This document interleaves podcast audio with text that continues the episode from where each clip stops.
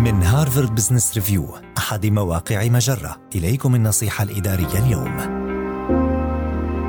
ارفع معنويات موظفيك برسالة شكر. بينما تواجه مؤسستك تحديين مزدوجين يتمثلان في ضغط الميزانيات وتعرض قوة العمل للاحتراق الوظيفي. يطرح سؤال مهم نفسه. ما الذي يمكنك فعله للحفاظ على اندماج الموظفين؟ حاول ألا تقلل من أهمية المكافآت الرمزية مثل خطابات الشكر الخاصة والتقدير المعلن حتى لو لم تنطوي تلك المكافآت على تأثير كبير كالترقية Maria أو العلاوة إذ يمكن لتلك الإجراءات البسيطة أن تحسن دافعية الموظفين كما كشف أحد البحوث إلا أن تحقيق أقصى استفادة ممكنة من تلك المكافآت يستلزم تخصيصها وفقاً للظروف المناسبة لمؤسستك. اسأل نفسك: هل أنت أفضل من يقدم الشكر والامتنان؟ أم أن تأثير الرسالة سيكون أكبر إذا قدمها شخص آخر؟ متى يكون أفضل وقت لتقديم رسالة الشكر؟ وهل يجب الإعراب عنها علناً؟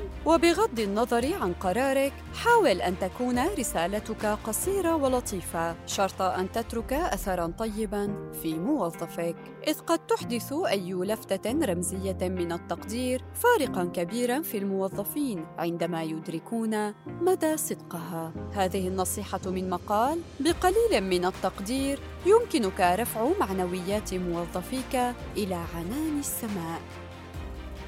النصيحة الإدارية تأتيكم من هارفارد بزنس ريفيو أحد مواقع مجرة مصدرك الأول لأفضل محتوى عربي على الإنترنت.